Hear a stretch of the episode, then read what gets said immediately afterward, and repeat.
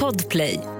1-2, 1-2 Mark Check. Vi är live från Stockholm, Sverige. Det är tisdag den 7 februari och jag har fortfarande inte kunnat förlåta Margot. 94 dagar har det gått nu. I alla fall, jag heter Messiah Hallberg. Eh, Vad heter ni? Klara Doktorow. John Wilander Lambrell. God morgon, det här är The Daily Messiah.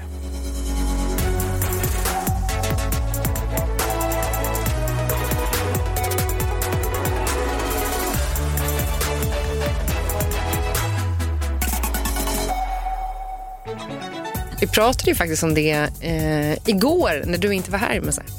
Eh, om du hade förlåtit Margot eller inte. Nej, nej, nej, vi var, nej. pratade om olika cancellerade, eller soon to be cancellerade kanske, personer och undrade om det var så. Men du har inte det. Varför kan du inte förlåta henne? Nu måste du nästan motivera, det har gått så många dagar ändå. 94 dagar. Otroligt många. Jättemånga dagar. Och att du räknar Det är också. snart 100 dagars jubileum. Ja. Kommer du göra något speciellt då? ja det, det, vad, vad gör man när det har gått 100 dagar sedan man ska- riktigt arg på någon? Jag fyller den här studion med det kanske? ballonger. Varför kanske släpp slå det? hål på dem. Varför blir jag så arg? Det är oklart också. Ja, det är oklart. Ja, jättearg. Vi börjar, man kanske börja räkna dagar, hur, vi kan, hur många dagar det har gått sedan vi har varit irriterade på att du inte kan släppa. Nej, men någonting kommer hända när det är 100, 100 dagar. När är det? det är ju, jag kanske inte ens är i studion, men då kommer ni märka det, för det kommer att vara ett rökmoln över Stockholm. Ja. Ja. Någonting exploderar. Jag vet inte. Vad vet jag? Jaha, du blir ännu argare på 100. det verkar ju konstigt att ilskan eskalerar. Ja, kanske det. Har det hänt någonting i eh, krimvärlden igår? Ja, men det har det ju faktiskt. Det var en ledande fråga. Ja, verkligen. Ja. Men det är ett gammalt cold case har ju lösts. Man har fått då, utredarna har äntligen fått en DNA-träff efter mordet på Marie Johansson i Göteborg hösten 2005. Det var ju den här kvinnan som stod i en tygbutik eh, och blev eh, attackerad av en okänd gärningsman som eh, fastnade då kort på en övervakningskamera från en butik på andra sidan gatan när då den här, vad det såg ut att vara, kvinnan lämnade butiken. Och, men som i alla övervakningskameror så var den ju väldigt blurrig då. Det går inte att göra en eh, övervakningskamera. 2005 var det ju nästan, det är knappt att man kan kalla det en kamera. Men det är konstigt för det, fanns, alltså det har ändå funnits, jag har ändå sett bra upplösning. 2005. Ja, och liksom, jag har ju sett bra upplösning alltså på grejer från liksom 40-50-talet. Jo. Nej, det, det är fascinerande att de här gamla Super 8-filmerna var, att Hitler var i bättre upplösning än En Marie Johanssons ja, mördare. ja. Ja, det är ju ofattbart. Eh, ja, Men kicken här är ju då i alla fall att eh, kvinnan då, den här kvinnan som polisen tror är mördaren som man fick en DNA-träff på, bara var 17 år vid tillfället. Så eh, preskriberas fallet efter 15 år. Och det här är ju 17 år sedan, är ni med? Ja, det, det är ju för jävligt ju. Ja, så hon kommer inte ens att delges misstankar, den här kvinnan. Jag undrar om hon ens kommer, de, alltså, om polisen ens kommer berätta för henne att de nu vet att det var hon. Ja. För de har ju ingen liksom, laglig rätt att göra någonting. Familjen, de, de gör alltså inte det. Det är ju sjukt. Men Nej, det är ju preskriberat. Jag tänker inte att det nu kan eh, komma en lagändring då. Jo, men det kommer ju inte påverka det här Det känns fallet. som att de vill ju gå på, eh, ja fast om de förlänger preskriptionstiden. Nej, man kan inte göra det. I, det kan man inte göra. Nej, inte, okej. nej, det kan inte bli reaktivt. Nej. Så hon, alltså, en preskription betyder ju, det har inte hänt. Nej, man Så, klarar sig. Ja, Ja, så att det här har liksom, undan. enligt lag har det här mordet aldrig skett. Ja. Och jag minns det här fallet när jag var på Efterlyst så gjorde jag någon, något inslag om det här. Det är ju snart 20 år sedan, då, 18 år sedan. Och det är ett sånt där fall som man trodde aldrig skulle bli löst. Och man har väl länge tänkt om det var ett rån som gick snett. Eller vad, när man ser en fantombild här som gick ut då i Jakten på mördaren så är det ju en viss form av, jag ska inte utmåla mörderskan som hemlös eller liksom illa tilltygad, men hon har ju ett ansikte som förpliktigar en viss utsatthet kanske. Det är väl den eh, också hypotesen man har jobbat utifrån. Att det var någon slags missbrukare eller någon som var inne för snabba pengar på den här stackars tygkvinnan. Det som nu talar emot det Jaha. Är ju faktiskt att anledningen att man fick en DNA-träff var att den här kvinnan åkte dit för något annat brott. Ett brott som polisen har gått ut med och sagt att det inte gjorde att hon blev frihetsberövad. Så det måste ju vara ett väldigt ringa brott. Men Ja, skulle hon då, all, om hon var då utsatt missbrukare som man alltid har jobbat efter, skulle hon aldrig åkt dit för någonting på 17 år? Det låter ju också lite konstigt. Men topsar man verkligen, eller liksom tar man verkligen DNA-prov eh, per automatik om någon åker dit för ett brott? Utan det måste ju vara någonting som är kopplat till att hon var tvungen att lämna DNA. Så om du åker in på sådana här LVU-hem och LVM-hem, då blir det ju topsat. Så att det, ja, det är någonting som inte eller, riktigt går ihop där. Kan det vara någon form av drogförseelse? Någonting liknande? Vi, så här, vi kommer aldrig få veta. Men det, det är ju märkligt, men otroligt ändå vad tekniken kan lösa. Och det är också så sorgligt. Jag kommer ihåg man ser en bild på den här Marie så ser man att hon ser precis ut som en kvinna som driver en egen tygbutik. Och, och man kan säga någonting, det här menar jag inte som ett skämt, men låter. Kvinnor som driver egna tygbutiker tror jag är kanske jordens bästa barn. Ja. Ja, de är väldigt väna människor. Så förtjänar att bli mördad är minst ja. Ja, Allt man ja, har hört om henne var att hon var, verkar ju vara liksom jättehärlig. Ja, men det är någonting med folk som jobbar med tyg.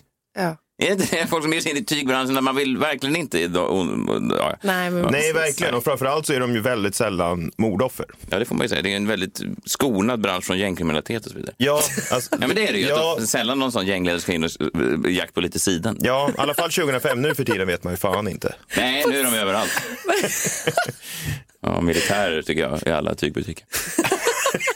Det är det jag tycker. Det var också så fint namn på den här tygbutiken, Stuvkällaren. Ja, men såklart den heter så. Men vad fint i alla fall att du fick, eh, fick ja, nu har jag inte fått sin lösning, men i alla fall att, kanske att familjen kan få någon slags closure. Det måste ju vara en vidrig grej att gå bara och undra Ja, förhoppningsvis någon typ av closure i alla fall.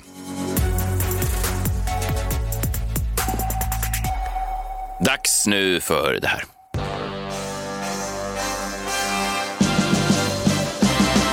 Messiahs minut kulturdebatt. Nu blir alla temabyten här lite konstiga. Det här var ju väldigt allvarligt med ett mord. Men eh, jag vet inte om ni har sett det här eh, klippet med Sara Larsson som hon la ut på sin, eh, sina sociala medier i helgen. Hon gav sig in i den mycket hetlevrade biografdebatten. Jag ville visa det här för dig John, för att jag tänker att du kanske... Jag undrar om du delar åsikt med Sara? Okej? Hon pratar om, ni vet det här, hur pass tyst ska man vara i en salong när man går på en biovisning? Ja, vi lyssnar så här. Ja. Vadå? Nej, men det här känns som att ha varit en, en käpphäst för dig länge. Du klagade på ungdomar på biograferna redan när du var liksom 13. Ja, det, var, det, var, det var ett ungdomsgäng som kastade popcorn i mitt bakhuvud och så vågade jag inte vända mig om. Det, När du skulle se en svår film på biografen Sergel. Ja. Nej, det var, jag minns också när jag var på första Harry Potter-filmen och då var det ett ungdomsgäng, ett förortsgäng som efter eh, kanske fem minuter när Harry Potter dök upp på skärmen så var det en kille bakom mig som ropade Visa köken Harry! Va? Ja, och då kände jag att då satt jag i tre timmar och vågade inte heller vända mig om för det var, det var hotfull och tryckt stämning inne på den här Harry Potter-visningen. Gjorde han det? Harry? Ja, jag har inte sett. Nej, inte just den filmen. Man fick se uppföljaren. Han skulle göra slut på Voldemort till sista, då tog han fram den, den riktiga staven. Ja, strunt samma. Okej. Du hade inte räknat med den här och så fläderstaven. Okej, så här sa Sara Larsson då om biografbesök. we need to talk about this. I'm about to go to a movie, and it made me think like people say, "Oh, if you want to talk during a movie, you shouldn't go to the cinema." Uh, lies. If you don't want to hear people talking during a movie, you shouldn't go to the cinema because like. Isn't the whole thing about watching something with other people in the same room to like experience it together and laugh and scream and have full on analysis about the characters like while you're watching it? If you want to sit in silence like a fucking stone, just go home. Like, and yeah, sorry, I'm that person. I am that person. Take me to fucking jail. I'm gonna be disrespectful every time because I will.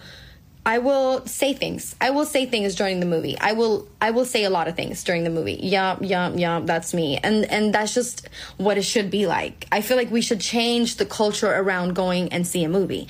It should always be chitty chatty in the cinema. That's just my opinion.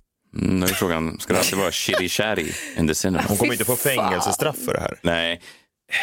Hon pratar ju väldigt bra engelska ska man säga. Otroligt bra Ja. engelska.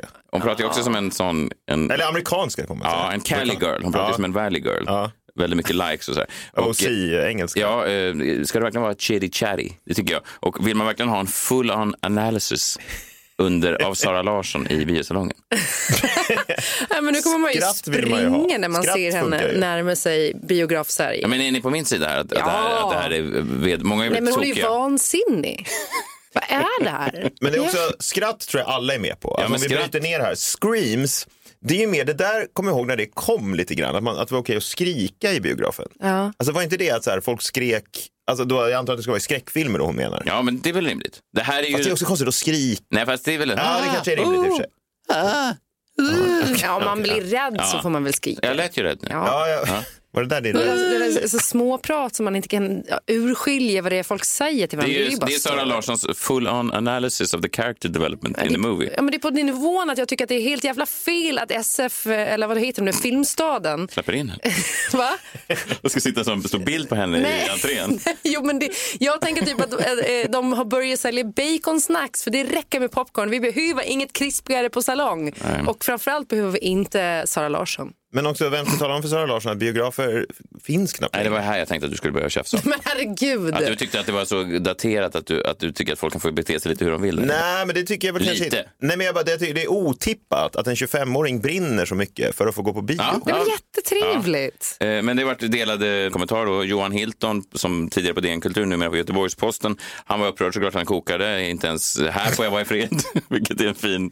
Så tycker jag att kulturredaktörer ska reagera. Sen har då folk kommenterat det här, bland annat en tjej som heter Amanda. Ja, jag vet inte, en ung tjej kanske. Jag tittade på bilden och jag gjorde ingen värdering i det. Bara analyserade.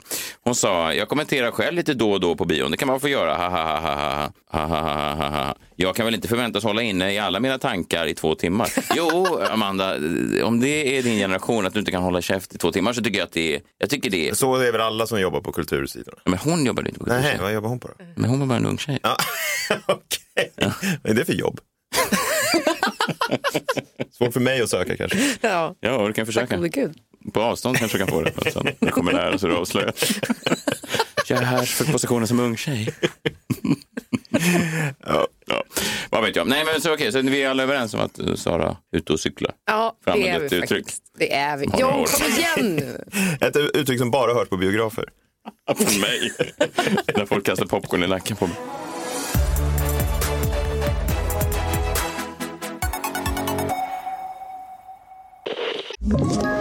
Ett poddtips från Podplay. I podden Något Kaiko garanterar östgötarna Brutti och jag, Davva, dig en stor dos skratt. Där följer jag pladask för köttätandet igen. Man är lite som en jävla vampyr. Man har fått lite blodsmak och då måste man ha mer. Udda spaningar, fängslande anekdoter och en och annan arg rant. Jag måste ha mitt kaffe på morgonen för annars är jag ingen trevlig människa. Då är du ingen trevlig människa, punkt. Något Kaiko, hör du på Podplay. Därför är gardinerna.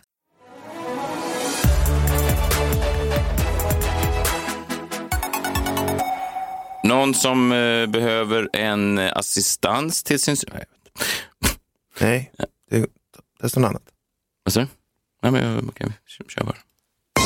Nej, det var fel. Förlåt. Den där var ändå bra, men den här också. Har du tagit bort nu? Jag vet inte vad du pratar om. Långt uppe på vinden, det var en tombola, han sa fula se din vän. Han gav den ett namn och den öppnade sig. Det blev en ja.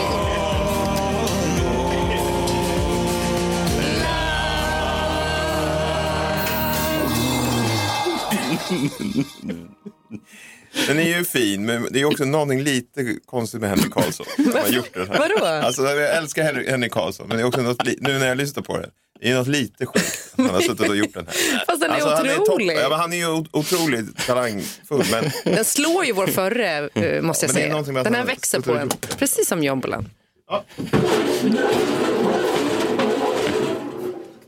Så kul. Ja, det, nej, verkligen. Om man, går igenom, om man går igenom texten så är den ju att han, han har en tombola och han kallade den och han hittade den på vinden. Det är många Ja, det är, ju- jag undrar vad Sara Larsson skulle ha för analys av hans character development. Ja. Skulle nog bli ganska mycket shitty chatty. Ja, det tror jag. Eh, nu ska vi slå upp här. Vad stod det på lappen? Ja, Estonia-debatten står det på lappen. Lappen i bestämd form. Eh, Estonia-debatten, Debatten. precis. Eh, ja, och det är ju inte debatten då som det kanske borde vara, alltså om vad som hände med Estonia. Den har ju liksom hamnat lite grann i skymundan för då, ja vad är det, kulturdebatten, journalistdebatten. Jag antar att ni har hängt med i det här. Men, Inte alls faktiskt. Nej, men den här haverikommissionen kom ju med en ny rapport här för någon vecka sedan. Ja, jag har det koll på. Och den kom ju fram till, de konstaterade ju då att brister i bogvisiret gjorde fartyget sjöodugligt och att det finns inga tecken på kollision eller någon explosion som kan ha orsakat hål i skrovet på Estonia som förliste 1994. Och Janne Josefsson, den gamla journalist, eh, ja, räven, legendaren, skrev en debattartikel om detta då i eh, Dagens Nyheter i helgen. Läste ni den? Ja, Men jag, säg, du läste ju DN i helgen, det måste du ha gjort. jag läste eh, vissa artiklar flera gånger. Ja, jag förstår, men han du, han du Jag gick, även, jag gick även förbi folk på stan med den. Med en DN. Ja, Med dig själv på omslaget ja, på Kulturdillen. ja. han du se någonting annat i tidningen? Väldigt lite. Ja, Men just den här såg jag. Ah, Okej. Eh, ja, men det var... Allt annat kändes som ett steg ner. Det känns som att du har tapetserat helt rum hemma bara med den. Det är omslaget. Ja. Ja, det syns. Men jag läste den faktiskt. Han, var ju, han beskrev ju då att journalistbranschen hade blivit helt lurad och beskrev väl då Evertsson som nästan som en bedragare. Ja, men precis. Rubriken var ju Han slog sönder skallen på den svenska journalistkåren. Ganska eh, tung Våldsamt, rubrik. ja. Men också ingressen då. Den nya rapporten om Estonia tyder på att skadorna på skrovet kommer från havsbotten, ingenting annat. Ändå gick Stora journalistpriset till dokumentären som spred konspirationsteorier om fartygskatastrofen, skriver Janne Josefsson då. Mattias Göransson, chefredaktör på Filter, har också nyligen publicerat sin 17 debattartikel på ämnet eh, om hur hemskt det är att Henrik Eversson fick det här priset för sin Estonia-dokumentär i Göteborgs-Posten. Och det är så mycket som stör mig i det här, i båda de här herrarnas argumentation. Jag fortsätter att läsa lite från Janne Josefsson här. Gör så. Han, han skriver, hur tänkte juryn för Bonniers stora journalistpris? Hur lyckades Evertsson slå sönder skallen på den svenska journalistkåren? Men Henrik Evertsson fick inte bara Stora journalistpriset av Bonnier. Senare utnämndes han också till Årets förvillare av föreningen Vetenskap och folkbildning med motiveringen undanhåller fakta och med insinuationer som är hämtade från spänningsromanens värld. Alltså kan ni tänka er, en dramatiserad dokumentärfilm med insinuationer. Nu har jag hört allt alltså. Det där ska de få årets förvillare av. Fy fan hålla på med sånt. Fortsätter här med Josefsson. Hur kunde de överhuvudtaget inte se och förstå att de blev lurade? Det är obegripligt. Vad säger Jonas Bonnier, Rakel Shukri, Jörgen Wittfeldt, Charlotta Friborg och alla de andra? Finns det någon seriös självrannsakan i juryn? Tystnaden är svar nog. Tystnad, ja. Hade man frågat Hvitfeldt tror jag han hade haft någonting att säga Ja, men det är klart. om, in, om, in, tyst- om invandring. Kanske. Men vad, är, liksom, vad då tystnaden? Du skrev ju den här nu. Ja. Han avslutar då, men, men vad har vi för journalistkår i landet? Vem granskar den när de inte ens själva fattar att de är lurade? Och jag bara liksom, det är så mycket i det här som är så jävla dumt. Först och främst så kvarstår ju faktumet att Henrik Evertsson hittade ett hål i Estonia, eller hur? Mm, Ja, det är ett nytt hål. Ett nytt ny hål. fakta, Ja. Ja, ett hål som det står i den första haverikommissionen inte existerar. De hade inte hittat det här hålet, de hade inte sett det. Och alla de här liksom konspirationsteorierna som de påstår att han kommer med kommer ju mestadels från överlevare och anhöriga från Estonia. Alltså anhöriga till folk som dog. De är ju också med i dokumentärer. Det är ju de som i första hand ifrågasätter den officiella rapporten, eller hur? Så det är väl inte så konstigt att man då som journalist väljer att granska någonting och gräva i det. Mattias Göransson då, eh, Filters chefredaktör, skriver i Göteborgs-Posten. I det här fallet var avsändaren Discovery Networks vars kanalutbud saknar undersökande journalistik och domineras av underhållningsserier om kändisfamiljer eller kontakter med andevärlden. Ja, för några underhållningsserier finns det sannerligen inte på SVT och TV4, Verkligen. Mattias. Verkligen inte. Sannerligen inte, utan det är bara på Discovery Networks. Och jag vill fråga er en sak då, Messiah och Klara, innan jag fortsätter här.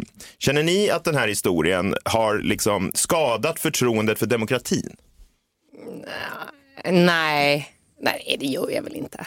Nej, det gör man ju inte. Känner ni att ni har lägre förtroende för demokratin nu? Nej, det gör Fast inte. man tänkte väl när man hade sett dokumentären att det var en cover-up. Och nu känner jag lite det när man har konstaterat att ja, det fanns ett hål, men frågan är ju vad man gjorde med hålet. Så ditt förtroende för demokratin är skadat? Ja, kanske lite.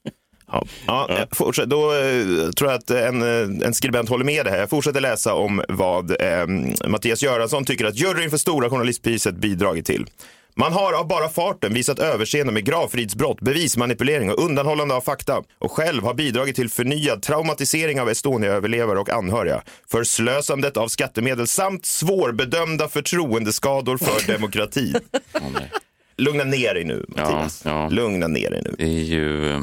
inte skulle komma någonting till det som han har bidragit till själv med sina teorier. Nej, Vad är det? Nej men jag menar just kring Skandiamannen. Och... Ja, nej, men det är svårt att komma till ingenting. Så att, eh, och vad då gravfridsbrott? Alltså, tra- vänta nu, det här är en hitpiece från dig för att du har... Eh... det är ingen hitpiece, det är, jag försöker bara liksom, det är han som skri- de här skriver ju hitpieces mot Henrik Eversson. Jag försöker bara liksom ha någon slags uppvägande röst i, i den här debatten. Ja, och du tycker att du är helt eh, objektiv i det här. Nej, men det, ingen är helt objektiv. Det är bara sådana som Janne Josefsson och eh, Mattias Göransson som tror att de är det. Och vad då gravfridsbrott, traumatisering av överlevare och anhöriga? Alltså både överlevare och anhöriga har ju varit väldigt kritiska mot hur allt det här har skötts. Politikerna, minns ni, vill ju begrava Estonia i betong Det här minns jag. på 90-talet. Alltså, så tro fan att de är kritiska till hur det här har liksom skötts. Varför skulle det begravas i betong? Det är ju fortfarande inte någon som vet. Nej. Så har man ju aldrig gjort med någonting. Det är helt sinnessjukt. Det är väl inget konstigt att man granskar det då? Nej, nej. Mattias och Janne skulle säkert stått bakom det också. Man får inte undersöka det där skeppet, man kan hitta något. Eh, då bryter man mot gravfriden. Det är väl fan 840 kroppar eller någonting på det där skeppet. Så att... Jo, jag vet, men det här är ju en gravfrid då. Han åberopar gravfrid. Det är ju någonting som jag aldrig hört någon anhörig eller överleva argumenterat för att man borde bevara. Tvärtom, de vill ju att man ska utreda det här. Men Mattias Göransson vet såklart bättre än dem. Eh, men det som stör mig mest av allt i detta är ju det här.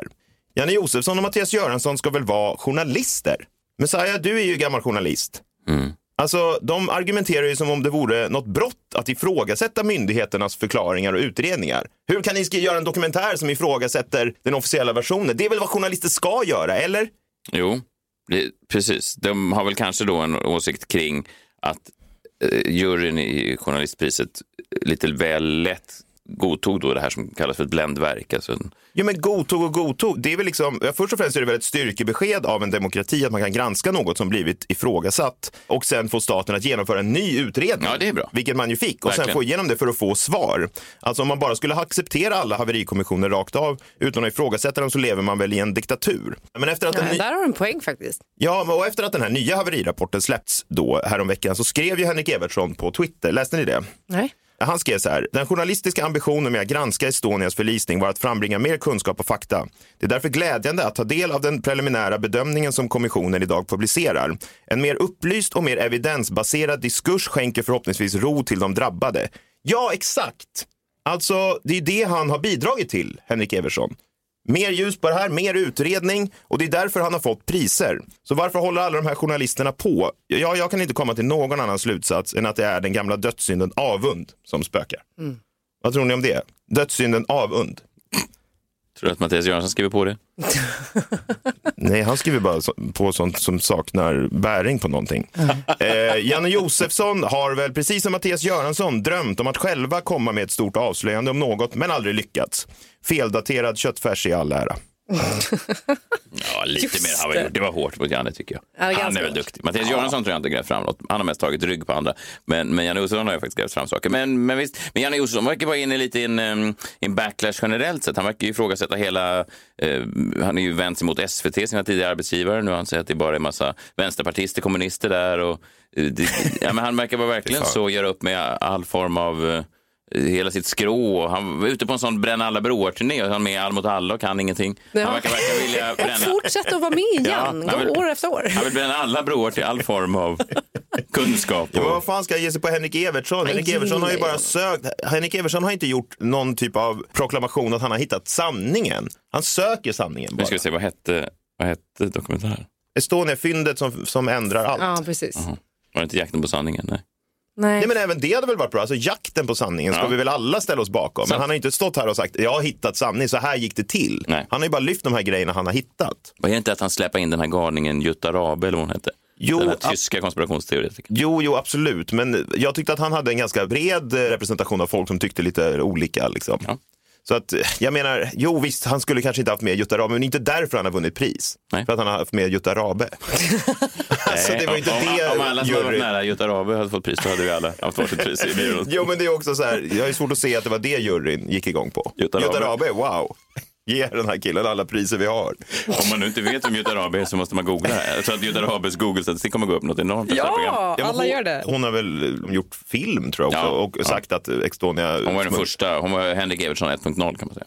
Ja, men hon har ju mycket tydligare, hon driver ju en tes utan kanske liksom någon större bevisning. Medan Henrik Evertsson gjorde ju, han har ju liksom haft lite olika teser, men framförallt har han hittat ett hål i Estonia. Där har vi det.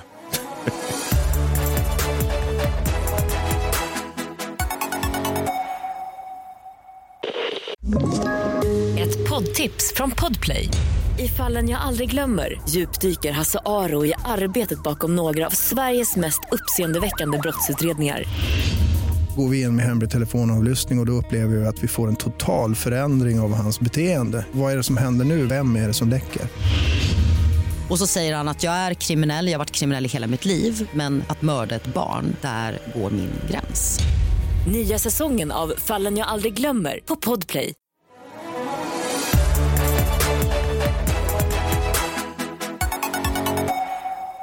Klara Doktorov. Ja. Du brukar skriva olika brev.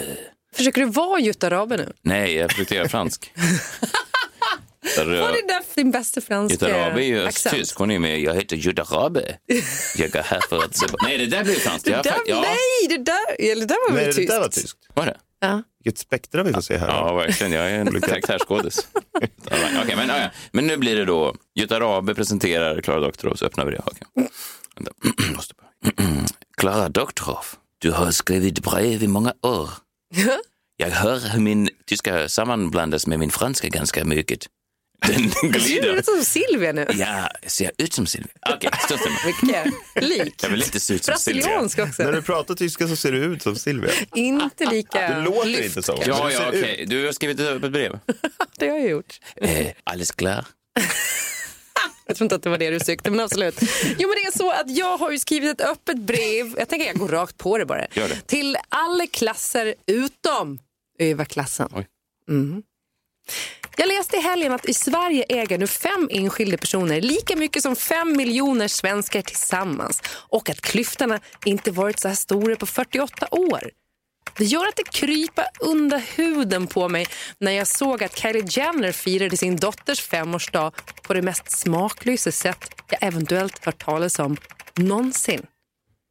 Hon anordnade en festival som passande nog döptes till Stormy World med en stor figur av dotterns huvud som välkomnade gästerna genom dotterns mun. Låter inte det lite väl bekant? Jo, det var ju exakt så entrén till den ökända festivalen Astroworld såg ut fast med Stormys pappa Travis Scott som välkomnade festivalbesökarna genom sin mun. Om ni... Den, den som sen blev väldigt kaotisk.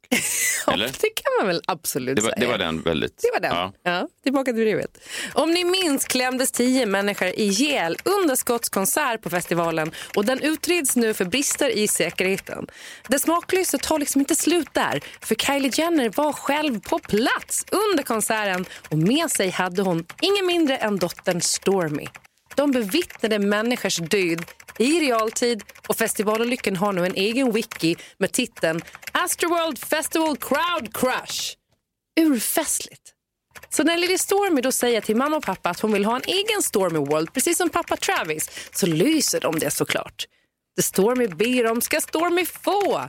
Ingen tänker på Astra Blounts familj här inte. Astra Blount, den nioårige pojken som dog av organsvikt efter att ha klämts under paniken som utbröt under den här festivalen. Jag blir sällan upprörd när jag ser rika människor göra idiotiska grejer. Det ligger väl i hela problembilden att de gör det för att de kan. Jeff Bezos hade exempelvis kunnat rädda hundratusentals svältande barn på Afrikas horn men han la pengarna på en rymdresa istället. Bon voyage! Roligare. Ja, för han absolut, Ja, liksom. men för ja. de där hundratusentals svältande barnen är inte alls lika roligt. Vadå? Nej, nej, fortsätt. Ja, vi är tillbaka till brevet igen då. Det som stör mig är att vi vanliga människor, medelklassen och arbetarklassen, sitter och ser på och accepterar tyst hur resurser pumpas in i all denna skit och att skiten bara blir värre. Oljebolagsinvesteringar, tre minuter långa privatjetresor eller barnkalas med tema Festival Crowd Crush. Det är dags att ställa rikingarna till svars. Vi kan inte vänta. Så, upp till kamp! Vänliga hälsningar, Klara. Oj, nästan ett eh, kommunistiskt upprop. Ja, eller jag, jag säger inte att jag är för kommunism. Nej, Men jag kanske är för att det finns ett tak för hur rik man får vara. det låter lite kommunistiskt. kanske är det. Ja. Eh, och att man, det finns ett regelverk också för vad man får göra med alla sina pengar. Till exempel, inte så intressant att flyga eh, till rymden när man kan rädda svältande barn. Får man producera Estonia-dokumentärer? Ja, men det tycker jag absolut kan få göra. Ja. ja. Jakt på sanningen. Det tycker inte Mattias Göransson. Nej, det tycker jag inte. Inte Janne Olsson heller. Nej, men sen är väl inte han eh, så rik heller, den här eh, Evertsson. Evertsson. Jag vet inte, det är någonting med hans fiskarmössa som får mig att tro att han inte är det. Att han, att han inte kommer från pengar. Nej, han har en lantlig framtoning. Han verkar väldigt snäll, men han har en lantlig framtoning i sin klädsel. Eller? Men det- Ja, men han finns- ser, hans stilikon är den här Fisherman's Friend-mannen. Å Ja. andra sidan är det ju, finns det ju ingen som ser så fattig ut som de som är riktigt rika. Det här skulle jag vilja kolla upp. det är sant. där undrar jag om du tog på magkänslan. Nej, se på Elon Musk. Han ser ju, han ser ju ut som en, en uteliggare i så. Ja, men I jag, tror, princip. jag tror att jag skulle kunna hitta andra som motbevisar din tes. Ja, kanske. Ja. Ja, ja. Men varför ska man låta sanningen stå i vägen för en, en spaning? Det tycker jag är onödigt. Nej, eller hur? Det var ju som Evertsson. Varför ska man låta sanningen stå i vägen för en spaning? Det blev ju Stora journalistpriset. Det kanske blir Stora journalistpriset nästa år för Klara Doktorov spaning om att rika människor ser fattiga ut. Vad vet jag? Då kommer Janne Josefsson skriva en lika upprörd artikel nästa år igen. Ja, då kommer man rasa. Ja, det här är ett bländverk. Jag har hittat fattiga människor som ser fattiga ut och rika som ser rika ut. Det var bluff. Min köttfärs fick inte pris, men det här får. Klara Doktor har dragit er alla vid näsan. Vi hörs imorgon då. Eh, Då är det Framtidsmannen här igen.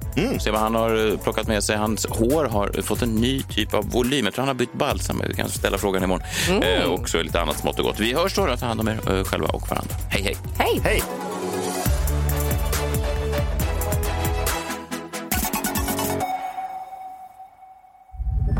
Podplay, en del av Power Media. Ett poddtips från Podplay. I podden Något Kaiko garanterar östgötarna Brutti och jag, Davva, dig en stor dos skratt. Där följer jag pladask för köttätandet igen. Man är lite som en jävla vampyr. Man har fått lite blodsmak och då måste man ha mer. Udda spaningar, fängslande anekdoter och en och annan arg rant. Jag måste ha mitt kaffe på morgonen för annars är jag ingen trevlig människa. Då är du ingen trevlig människa, punkt. Något Kaiko, hör du på Podplay. Därför arkadeinerna.